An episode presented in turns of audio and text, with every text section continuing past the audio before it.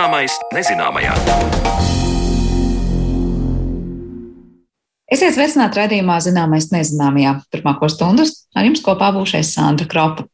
Tikai pirms nedaudz vairāk kā simts gadiem ir radītas vakcīnas, kas ļāvušas cilvēcei uzvarēt tūkstošiem gadu ilgā cīņā ar dažādām infekciju slimībām.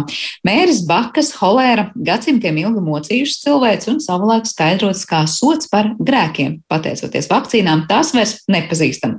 Šodienas raidījumu mēs veltīsim ieskatam vēsturē, kā aizsākusies masu vakcinācija un cik atsaucīga bija sabiedrība vakcinācijas pirmsākumos. Par to jau drīz runāsim, taču pirms tam par mēra epidēmiju 17. 17. un 18. gadsimtā vidzemē interesējās man kolēģi Zana Lāca.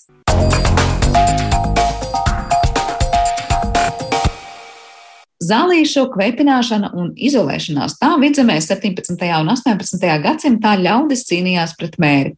Kāda tolaik bija sabiedrības uztvere un uzvedība, par to plašāk klausieties Zanas Lāces veidotajā stāstā.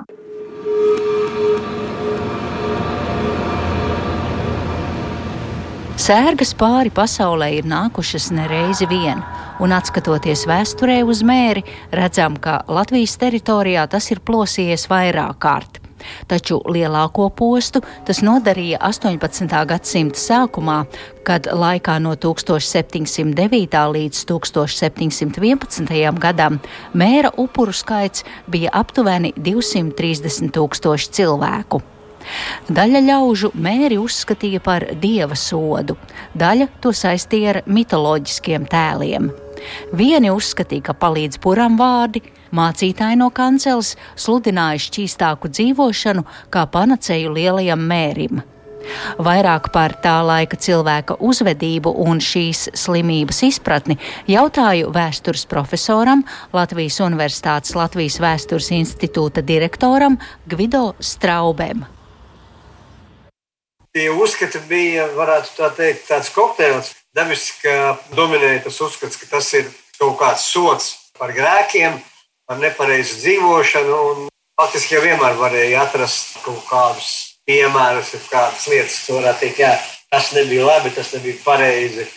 Bet, protams, tā bija tā viena lieta, kas dabiski daudziem cilvēkiem likās, jā, nu, tas ir sots par kaut ko, un tas ir neizbēgams, un tas ir vienkārši jāpārdzīvo Man ir jāatvainojas par slikto tehnisko ierakstu skanējumu, un tāpēc turpmāko profesora Straubes runu jums pārstāstīšu. 1710. un 1711. gadā lielais mērs plosās gan vidzemē, gan arī to izjūt kurzemē un latgalē, jo kaitējumu robežu nav. Cilvēki šo lielo nelaimi pieņēma kā lietu, kas ir jāpiecieš. Varbūt biežāk ir jāiet baznīcā, kaut gan tajā pašā laikā ir redzams pretējais. Cilvēki cenšas ierobežot kustību. Kā teica profesors Straube, tā ir klasiska lieta 18. gadsimtā. Tiklīdz ir kaut kāda epidēmija, tā pirmais aicinājums ir nestaigāt apkārt, bet sēdēt mājās. Jo jau tolaik cilvēki saprata, ka kustība sekmē kaut kādu kaišu izplatīšanos. Un arī baznīcas uzstādījums tolaik bija tāds, ka mācītāji no kanceles ieteica lieki nestaigāt apkārt. To, kā cilvēki mēģina cīnīties ar šo sērgu, varam redzēt tā laika tautas ticējumos, ko pagājušā gadsimta 20. un 30. gados savāca valodnieks un etnogrāfs Pēters Šmits.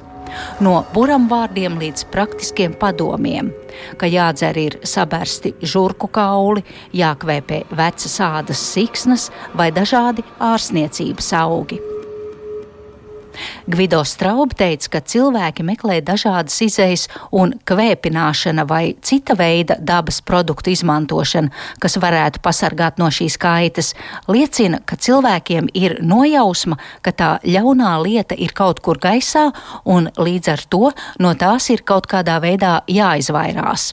Un šāda kvēpināšanas metode ir novērojama gan 17. gan 18. gadsimtā kā ļoti populāra un biežāk pieminēta pieminēta. Kā teica Gvido Straube, jau 18. gadsimtā tā pati Lutheriskā baznīca vidzemē, bieži vien šo zāļu sieviņu gudrības apkopoja rakstos. Protams, atmetot nost visus buramvārdus, bet izmantoja un pat popularizēja tīri praktiskās zināšanas par augu uzlējumiem, jo redzēja, ka citu kaišu gadījumā šī tautas medicīna palīdz. Nereizi vien šajā raidījumu ciklā esam runājuši par to, kā dažādas sērgas dažādos laikos cilvēki ir skaidrojuši un kā ārstējuši.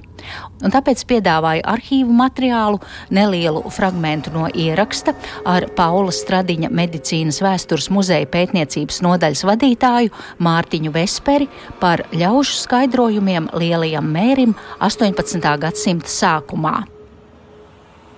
Viena no pazīmēm ir tad, kad putni aizlido projām. Un atgriežas tikai tad, kad mēris beidzās. Vēl viena pazīme, kad mēris izplatās no smirdīga gaisa. Ja ir bijusi kaut kur zemestrīce, tad, tad kaut kur būs zemes plaisas, no tā iznāk arāņi, kas varētu radīt mēri. Protams, netikls dzīvesveids, amorāls dzīvesveids. Ja tā loģiski mēs skatāmies, tad faktiski mēris īstenībā bieži vien parādās ar karu. Piemēram, tā saucamais Lielais Ziemeļkarš, tas ir 18. gadsimta sākums, kad Latvijā plosās lielā mēra epidēmija. Kulminācija sasniedz 1710. gadā, kad nu, tiek uzskatīts, ka Latvija zaudēja vismaz divas trešdaļas iedzīvotāju. Bet iemesli, kāpēc zaudēja, ļoti vienkārši. 8. gadā bija liels nerežas gads, slapja vasara, kartupeļs nav, ir tikai labība vēl. Un tad eh, plosās vēl karš, iet armija, tiek nodedzināti labības lauki, sākās bats, cilvēku ķermeņi ir izvārguši, un, protams, kur ir bats, tur ir arī slimības. Un īpaši, ja vēl tās ir bēgļu kustības un viss pārējais. Un tā cīņa ar mēri, jāsaka, tā jau ir, nu, kā varētu teikt, nu, tāda īsta iespējas nebija tā kā šodien. Piemēram, ļoti izplatīts bija tas uzskats, ārsts ieteica telpas kvēpināt ar dūmiem, lietot tā saucamos bizamābolus, tas ir tādus sudraba traukus vai vienkārši traukus, kuros ieliek vai nu smaržīgas kvēpināmas vielas, vīraka, tas var būt arī etiķi saistītas vielas, kas smaržo, uzskatot, ka tādā veidā tā slimība, kas saka, tiks izkvēpināta savā ziņā, no vienas puses jau taisnība ir. Jo blusām īsti nepatīk etiķis. Bet no otras puses jāatcerās, ka cilvēki tajā laikā arī higiēnu ļoti, teiksim, tā priekšstats par higiēnu bija pavisam savādāk nekā šodien.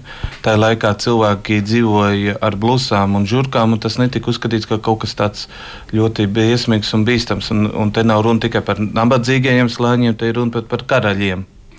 Vēl viena lieta, protams, bija izdoti ļoti liela priekšstata, kā cīnīties ar slimību.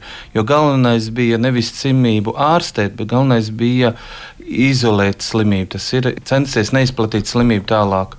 Un kā tas ir? Tas ir piemēram ierobežojums satiksmes ceļiem. Tad, tad ja ir saslimuši, tad, tad izolēt viņus vai nu tais namos, kur viņi dzīvo, vai pārvest uz īpaši ierīkotām lazaretēm vai hospitāļiem. Līdzīgi ar mirušo ķermeņiem sabiedrībā valda uzskats, ka mirušos dedzināt, tā tas nebija. Kristietībā ķermeni nedrīkst dedzināt, jo ķermenis ir vajadzīgs pastarai dienai, un tāpēc mirušos vienkārši izved ārā un aprak masu bedrēs. Dedzināts tika viņu drēbēs. Tik tālu medicīnas vēstures pētnieks Mārtiņš Vesperis, bet turpinājumā Gvido Straubis stāstījums par lielo mēri. Kā teica vēstures profesors, tad lielā mēra laikā ir novērojams arī citas metodes, jau pieminētā distancēšanās jeb izolēšanās, ko ieraugām jau slavenajā Giovanni Bokačo darbā Dekamerons kur arī mēra laikā cilvēki mūk no pilsētām uz vientuļām, maz apmeklētām vietām. Un to arī lielā mēra laikā dara cilvēki šeit, mūk mežos, mūk grūti pieejamās vietās. Neraugoties uz zināšanu trūkumu par ārstēšanu, cilvēka prāts strādā pietiekoši racionāli. Un šeit mēs redzam divas puses - tāda kristīgā māņticība, ka kaite nāk kā atmaksa par grēkiem, tautas māņticība, un no otras puses - racionāli pasākumi, lai no kaitas izvairītos, skaidro Gvido Straube. Viņš min, ka interesants ir vērojums par cilvēku emocionālo attieksmi šīs sērgas laikā. Ļoti biežā dažādu grūti izskaidrojamu un faktiski pārciešamu kaišu klātbūtne gan viduslaikos, gan jauno laiku sākumā kaut kādā veidā cilvēkus bija nedaudz notrulinājusi, un līdz ar to reakcija bija pat vienaldzīga. Saka, kārtējā sērga ir atnākusi, mēs to pārdzīvojam un dzīvojam tālāk. Nav ieraugāma liela gaušanās, ka tās ir šausmas. Ļoti drīz pēc lielā mēra mēs redzam, ka par to neviens nerunā un samērā ātri aizmirst. Dabiski, ka cilvēka prāts ir tā orientēts, ka viņš ātri izdzēš tās sliktās lietas. Dabiski, ka nāk citas, jaunas problēmas, un tās noāda veco problēmu paliekas. Tiklīdz problēma ir pazudusi, momentā no leksikas pazūd vārds mēris. Tādas plašas diskusijas par šo sērgu nav, ir tikai fakta konstatācija.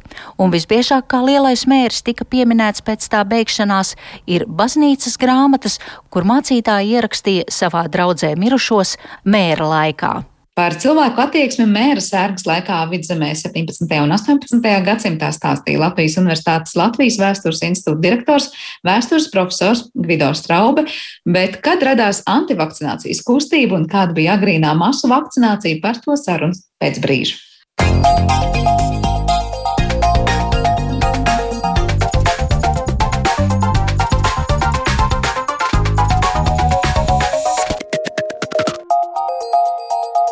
Zināmais nezināmajā. Šobrīd notiekošais pasaulē ir unikāla pieredze mums visiem, jo tik liela mēroga masu vakcinācija vienlaikus līdz šim nav pieredzēta. Taču, lai cik ļoti mums šķistu ārkārtēji šis process cīņa pret infekcijas slimību izplatīšanos ar vakcīnu palīdzību ir zinām jau krietnu laiku. Kā tika organizēta masu vakcinācija un kāda bija sabiedrības atsaucība tās pirmsākumos par to visu mēs runāsim atlikušajā raidījuma pusstundā, kad eh, mūsu attālinātajā studijā man ir pievienojušās Rīgas Stradaņu Universitātes sabiedrības veselības un epidemioloģijas epidemioloģijas katedras profesora Anita Vileruša, kā arī Pauls Stradiņa medicīnas vēstures muzeja pētniece Inga Vidgročika. Labdien jums abām! Labdien! Raugoties varbūt uz to, nu, kas notiek šobrīd un cik ļoti var teikt, nu, jau ir ar labu laiku un vēsturi vakcinācija mūsu mūs civilizācijai zinām. Kāda ir tā jūsu sajūta? Vai mēs esam turpat, kur kādreiz sabiedriskajā domā un procesos par notiekošo un to, kā izplatās infekcijas slimības un kā tās jāapkaro? Vai tomēr esam sasnieguši kaut kādu nu, milzu progresu cīņā par to, kā cilvēki uztver vakcināciju. Es nezinu, ar kuru sākt. Varbūt Anita sākšu ar jums no tās epidemioloģijas eh, perspektīvas skatoties, un Inga tad varbūt lūkšu jūsu vairāk arī no vēstures perspektīvas raugoties to komentāru. Jā, nav šaubu, ka gan Pasaules veselības organizācija ir atzinusi, ka mm, imunizācija ir viens no visefektīgākajiem un arī ekonomiskākajiem veidiem, kā ierobežot infekcijas slimības. Un, e, principā mūsdienās tā ir daļa no valsts epidemiskās drošības sistēmas. Un, protams, katru gadu arī PVO aplēš, cik dzīvības, pateicoties vakcinācijai, tiek saglabātas, un tās ir aptuveni 2,5 miljonu nāves gadījumi globālā kontekstā.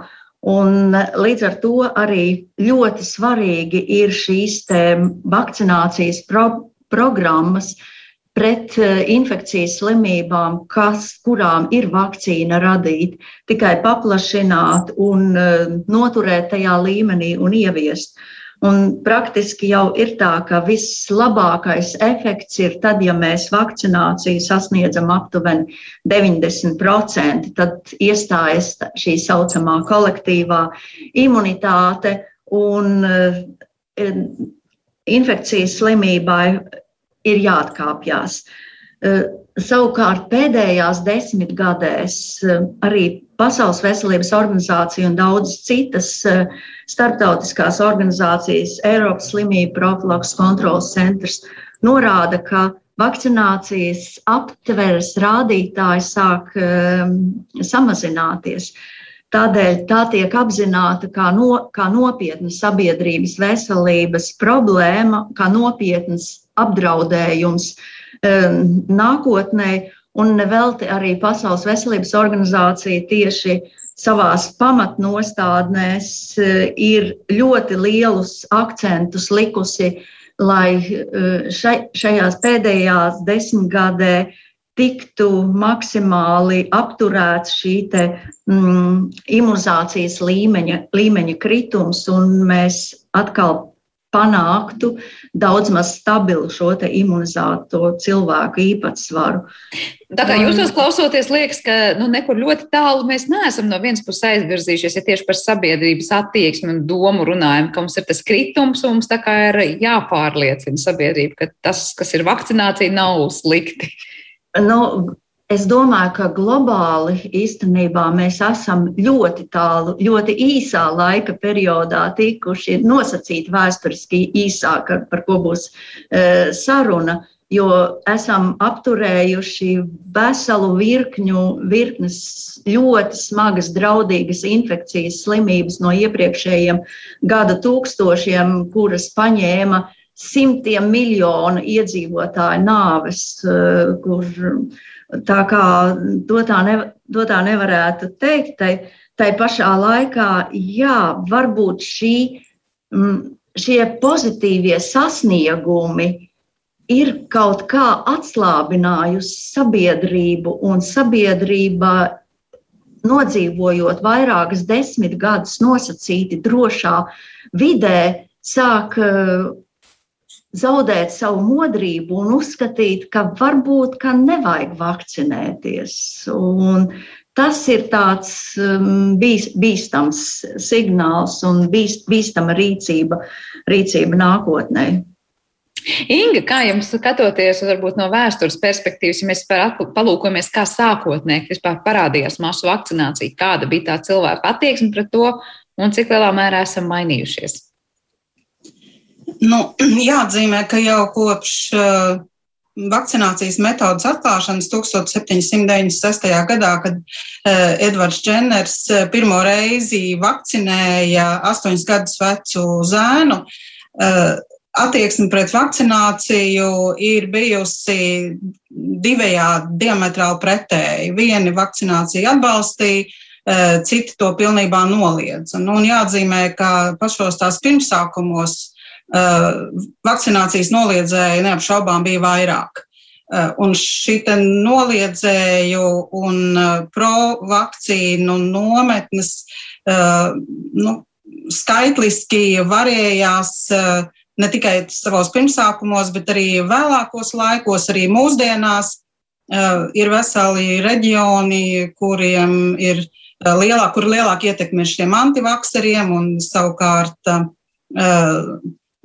šī piekritēja nometne ir eh, mazākumā. Eh, nu, eh, jāatzīmē, ka šodien tā argumentācija un metodes pret vakcinēšanos ir diezgan līdzīgas kā tajos pirmsākumos, jo 18. gadsimta vidū vēl pielietojot pirms dženera metodi valiorāciju, ļoti aktīvu tādu pretnostāju ieņēma tieši reliģiskas personas, mācītāji, kuri diezgan aktīvi izplatīs šo te pret, pretestību vakcinēšanai, uzskatot to par tādu vēlnišķīgu iejaukšanos, par vēlnu darbu un aicināja savus Uh, sekotājus uh, nekādā gadījumā šo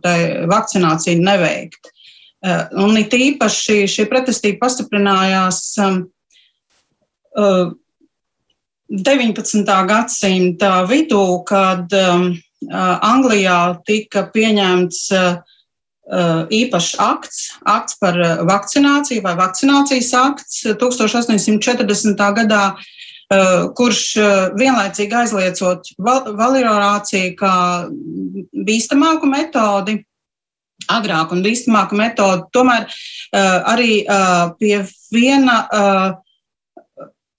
propagandēja vakcīnas, brīvprātīgu vakcinēšanos vai brīvprātīgu bērnu vakcinēšanos. Un šī anti vakcīnistu kustība nu, sarosījās aizvien plašāk, tad, kad Anglijā 1853. gadā vakcinācija tika mm, pieņemta kā obligāta. Un tieši tajā brīdī sākās abu šo nometni tāda ļoti nopietna cīņa, kas nu, ietvēra vairākas metodas, tajā skaitā ļoti aktīvu propagandu, nu, aktīvu arī tādu aģitāciju caur laikrakstiem, izmantojot dažādas metodas, kā karikatūras viens par otru. Un jāatzīmē arī, ka notika diezgan tāda nu, spēcīga iejaukšanās vai politiķu lobēšana, lai šie likumi tiktu atcelti vai pastiprināti. Tā kā šīs abas kustības par un pret vakcīnām ir principā radušās aptuveni vienlaicīgi un pastāv vēl joprojām. Bet kāda tur sākotnēji ir bijuši tie lielākie pretargumenti? Tas bija vairāk vēršanās pret konkrētām vakcīnām vai pret principu kā tādu, vai to veidu, kādā tā vakcinācija tika organizēta? Nu, paši, pašas pirmās tādas argumentācijas vai iebildumi nāca tieši no teologu puses, kuri apgalvoja, ka slimību uzsūta Dievs par grēkiem, Un jebkurš mēģinājums aizsargāties pret tā laika bīstamāko slimību melnajām bakām, pret kur arī šī variolācija un vakcinācija tika veikta, potēšanas ceļā tā ir vēlnišķīga darbība. Un tā tad tā ir noliedzama un nekādā gadījumā šādu metodi nevajadzētu pielietot. Nu, vēlāk, protams, arī tika, kā arguments tika piesaistīts brīvprātīgs princips, jo tajā brīdī, kad Anglijā šo te pasludināja vakcināciju par obligātu, tad viens no galvenajiem argumentiem bija tas, ka nedrīkst individu piespiest obligāti vakcinēties. Nu, un, protams, ka vakcinācijas ceļā var nu, kaut kādā veidā izmainīt cilvēka ķermeni, ka šis, te, piemēram, ja Eh, melnās bekas eh, tika uzveiktas ar govs baku palīdzību, kas ir eh, baku tāda vieglāka forma, tad bieži vien argumentēja ar to, ka nu, ja cilvēki vakcinēsies, tad viņiem uzaugs tur ragi, nagi un karikatūrās zīmē, kā no dažādām ķermeņa daļām spraucas laukā tādas miniatūras govis. Tā kā tās argumentācija, protams, Eh, bija saistīta gan ar nu, tādu varbūt faktu nezināšanu, gan arī ar tā laika uh, situāciju. Jo patiesībā uh, Dženers uh, savu metodi, nu, varētu tā teikt, izgudroja pirms laika.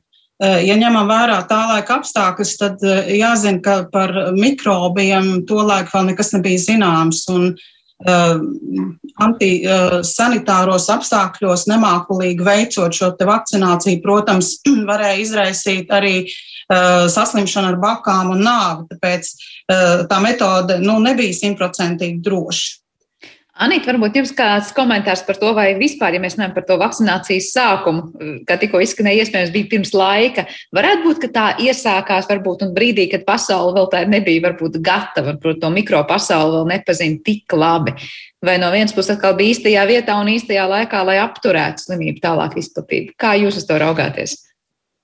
Jā, var, var, var dažādi skatīties. Nu, šobrīd mēs principā varētu teikt, ka ir ļoti laikā vakcinācija un arī konkrētās šobrīd aktuālās pandēmijas um, izplatības apturēšanai kā, kā ļoti būtisks iemesls. Bet joprojām nu, pastāv cilvēku daļa, kura, kura atturās vakcinēties. Un, nu, dažādos eh, arī pēdējā desmitgadē mm, publicētajos pētījumos mēģina noskaidrot, nu, kas, tad, kas tad ir eh, iemesli, kāpēc cilvēki arī mūsdienās, kad vakcīnas ir, ir, ir drošas, pārbaudītas un lietotas jau vairākus desmitgadus, ir, ir daļa, kas atturās. Ja, un, Un, protams, um, ir, ir konstatēts, ka tad, kad infekcijas slimība ir uzliesmojums, tieši tajā laikā palielinās cilvēku vēlēšanās vakcinēt. Tad, tad cilvēkam ir reāli jājūt šis apdraudējums, un bieži vien arī viņa reālā pieredze saskarsmē tuvāko cilvēku vietā ar vidū ar infekcijas slimību strādā par labu vakcinācijai. Tāpat eh, barjeras mūs, mūsdienu sabiedrībā tiek uzskatīts tas, ka eh, nu, mūsu sabiedrība, īpaši attīstītajās valstīs, tiešām eh, līdz šai pandēmijai nebija piedzīvojuši plašas infekcijas, slimības, izplatības epizodes. Un, Protams, līdz ar to vairāk nostrādā bailes no šīs injekcijas, bailes no šīs potes, no vakcīnas, no, no viņas blakus efektiem, kuri tiek pārspīlēti, hiperbolizēti un dažā, dažādā veidā tajā sociālajā telpā diskutēti. Tāpat tās arī. Nu, Tas ir tas dzinuls, kā veidojās šī antivakcinācijas kustību. Un tieši šī maldinošā informācija mm, bieži vien ir tā, kas eh, nu, to viedokli E, veido sabiedrībā. Un nezinu, kāpēc e, cilvēki vairāk uzticās varbūt šādiem zinātniski nepierādītiem viedokļiem, e, bet mazāk balstās tiešām uz zinātniskajiem pierādījumiem. Un, un te ir atkal atsevišķi pētījumi, kas saka, jā, ka cilvēku izglītības līmenis ir saistīts ar vakcinācijas ap, aptveri, kā vakcinācijas aptvere ietekmē arī mm, bieži, bieži vien šie te, um, sociāli ekonomiskie dažādi rādītāji. Tas nozīmē nu, arī tā skaitā um, cilvēka spēja lasīt, uztvert zinātnisku uh, literatūru. Nu, droši vien pārsvarā izglītotības pieaugums sabiedrībā sekmēja pēdējā simtsgadē.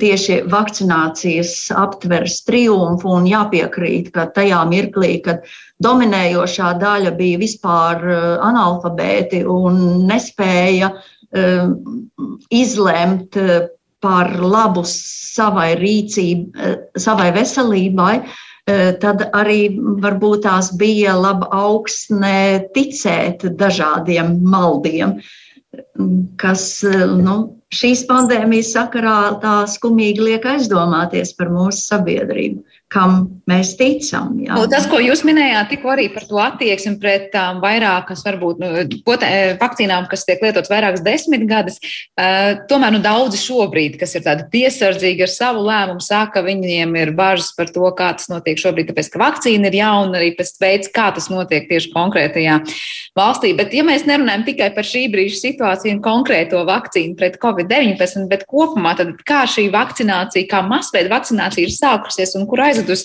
Nu, skaidrs ir viens, jūs teicāt, tad tiešām daudzas slimības ir uzveikts pateicoties tam, ka ir bijušas vakcīnas un bijušas cilvēks vakcinējis.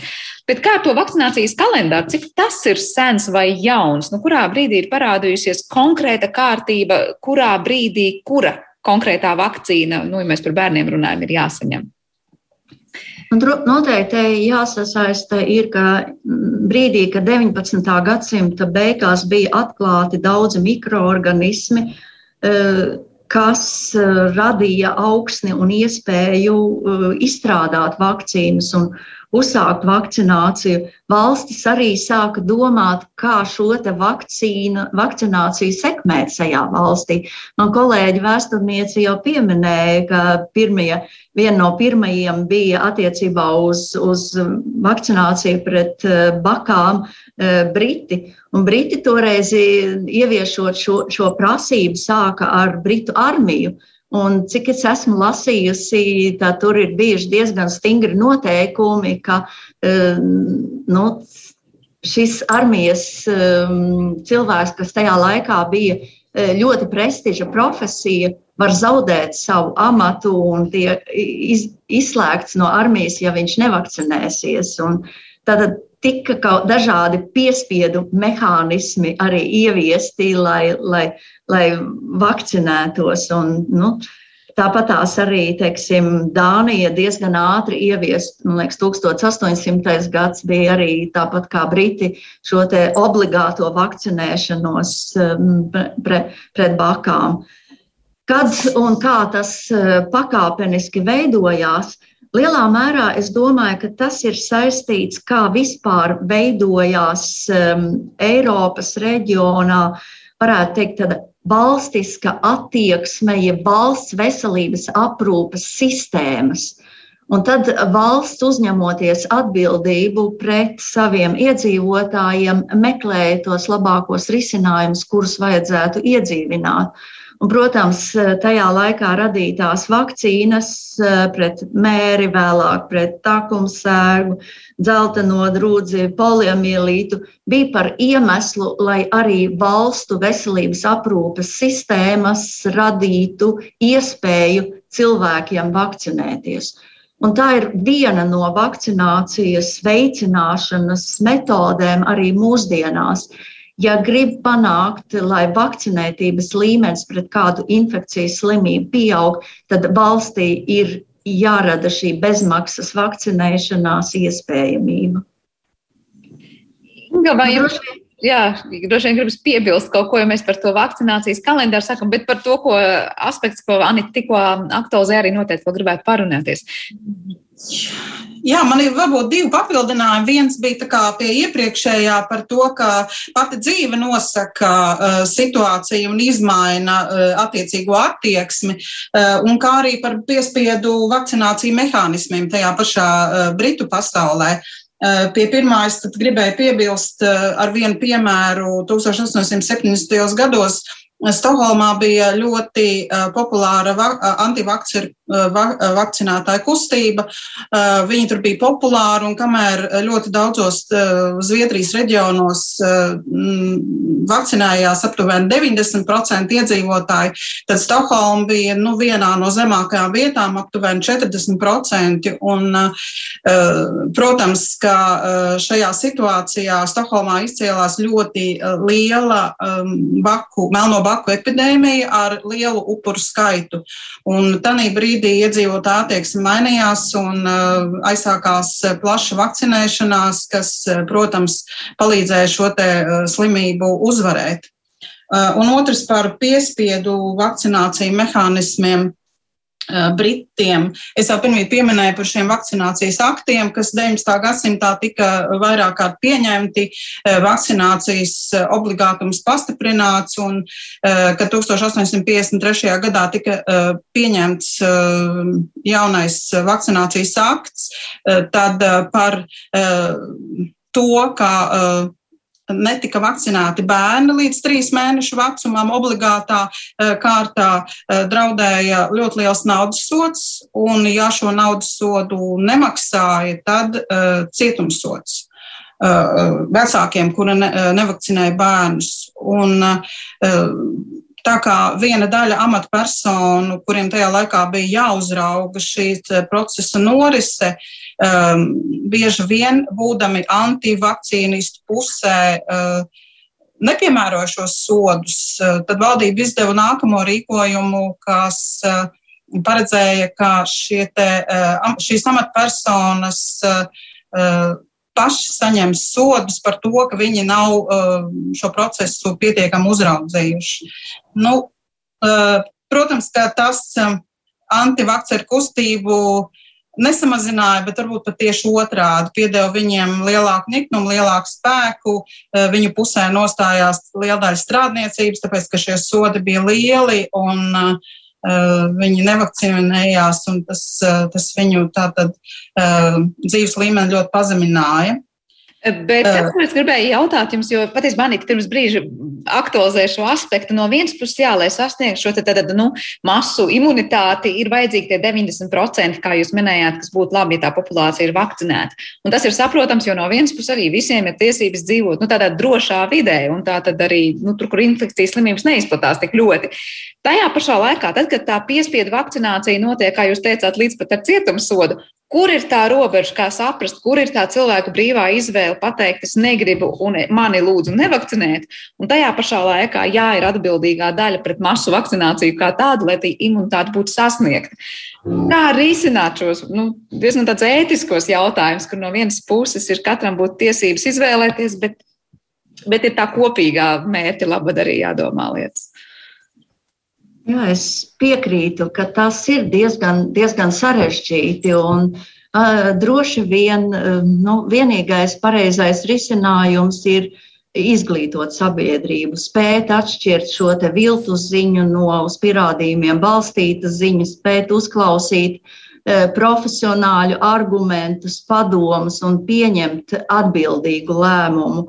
Bet nu, Tas, eh, tas nevienmēr izdodas, jo mēs zinām, ka sabiedrība ir ļoti, ļoti nehomogēna. Un, un kolēģi jau pieminēja, ka vakcinācijā tiešām ir ļoti uh, liels svars uh, no vienas puses, cik mēs atbildīgi izturamies pret savu veselību.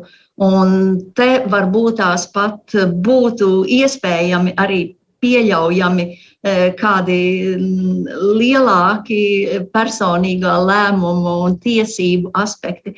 Bet tad ir arī šī otra puse, kā mēs izturamies pret līdzcilvēkiem, pret sabiedrību, pret apdraudējumu eh, šai varbūt mazāk aizsargātai, aizsargātai grupai. Un cik mēs esam līdzestīgi šajā sabiedrībā. Un droši vien te arī salīdzinot eh, vakcinācijas līmeņa atšķirības dažādās valstīs, es dažkārt par to aizdomājos eh, eh, tie, tieši šādā kontekstā par sabiedrību. Cik mēs jū, gribam uzņemties atbildību par šo kolektīvo lietu. Inga, kāds ir jūsu tas varbūt nu, receptes redzējums? Mm, tā, es, protams, arī uzskatu, ka galvenais ir sabiedrības izglītošana un tādu gluži ļoti lielu spiedienu izdarīt uz sabiedrību var sagaidīt, protams, tādu atkal pret, pretestību. Tāpēc ir jāturpina tās savas idejas paust uh, un apelējot, protams, pie visa kopējā labuma. Uh, jo domājot, ka ja varbūt egoistiski, individuāli par sevi, uh, diez vai nu, šī kopējā sabiedrības veselība tiks panākta. Un, ja sabiedrība kopumā ir slima un apdraudēta, tad tas apdraud arī to individu jebkurā brīdī. Jā, šeit laikam vietā vēl atgādināt, eh, tu, Inga, zinu, ka jums bija interesants stāsts padomā. Varbūt varat pavisam īsi izstāstīt, jo, diemžēl, mūsu sarunā jau jāliek punkts, ka ir bijuši paši zinātnieki, kas tajos pirmsākumos eksperimentēja patiesībā ar sevi un saviem tuviniekiem, lai atklātu dažādas slimību ierosinātājas un izstrādātu vakcīnas. Varbūt par to pašu vakcīnu izstrādes sākuma posmu, kas likt aizdomāties, nu, kur ir tas risks un cik daudz cilvēku ir bijuši gatavi darīt ar sevi un saviem tuvākajiem, tad, kad vakcīna patiešām ir tikai izstrādes pašā sākumā, lai mēģinātu sasniegt to sabiedrībai kopumā vajadzīgos labumus. Jā, nu šeit mēs varētu runāt par 19. gadsimta uh, otro pusi, 20. gadsimta sākumu, kad um, pateicoties mikrobioloģijas attīstībai tika atklāti vairāki uh, jau tūkstošu gadus uh, cilvēks mocījušo infekcijas slimību ierosinātāji, kā trakumsērga, kā mēris, uh, kā tuberkulozes. Uh, un uh, arī dzeltenā trūģa un citi ierosinātāji. Un uh, šajā laikā zinātnieki, kas nodarbojās ar šo ierosinātāju pētījumiem, vairāk kārt ir riskējuši ar savu dzīvību, jo, lai pierādītu kādu savus teorijas um, pareizību, ir uh, devušies uh, uz reģioniem, kuros tajā brīdī plosījās vai, vai mērs vai holēra. Uh, um, riskēja, veica eksperimentus, gluži neiedomājumus, kā uh, ietīšanās tur miruši, tikko miruši slimnieki, strutainos kreklos, uh, dažādu šo te ierosinātāju iegriešana mm, brūcēs, pierādot tā, ja, ka lūk, šis ierosinātājs tieši var izraisīt šo slimību. Vai arī tādi piemēri, kā piemēram Maks Petenkofers, kurš pirmais iedzēra holēras vibrionu, tiesa gan ar Eh, varbūt eh, nepareizi tādu uzstādījumu. Viņš eh, kļu, mēģināja pielā, pierādīt kļūdainu ideju, bet tas jau vien, ka viņš bija gatavs riskēt un pierādīt šo ideju, iedzerot dzīvu baktēriju, jau bija liels, liels solis uz priekšu. Jā, nu tas laikam tāda piemēra, ko paturēt prātā un um, atmiņā, ko cilvēki ir mēģinājuši darīt, lai iet pretī cīņai ar šīm dažādām slimībām un varbūt jā, arī izdarot izvēles par vai pret vakcināciju, mēs tiešām katrs padomātu arī par to kopējo labumu. Bet, jebkurā gadījumā šajā raidījumā nemēģināsim pārliecināt nevienu ne otru par pareizumu vai nepareizumu, bet ir interesanti paskatīties, kā šī masu vakcinācija ir sākusies un kā tā mums ir palīdzējusi cīnīties ar ļoti daudzām slimībām, par kurām mēs šobrīd varam teikt, nu tā ir noscīta pagātne, un par to varam vakcinācijai būt tikai pateicīgi. Šajā reizē teikšu jums abām lielu paldies un atgādināšu klausītājiem, ka dzirdējām Rīgas Tradiņu Universitātes sabiedrības veselības un epidemioloģijas katedras profesoru Anitu Vilarušu, kā arī Pauls Tradiņu medicīnas vēstures muzeja pētniec Ingu Vigdročiku mūsu šīs dienas raidījumā attālinātajā studijā. Ar to arī raidījums ir izskanējis. Teikšu paldies visiem par klausīšanos un uz tikšanos!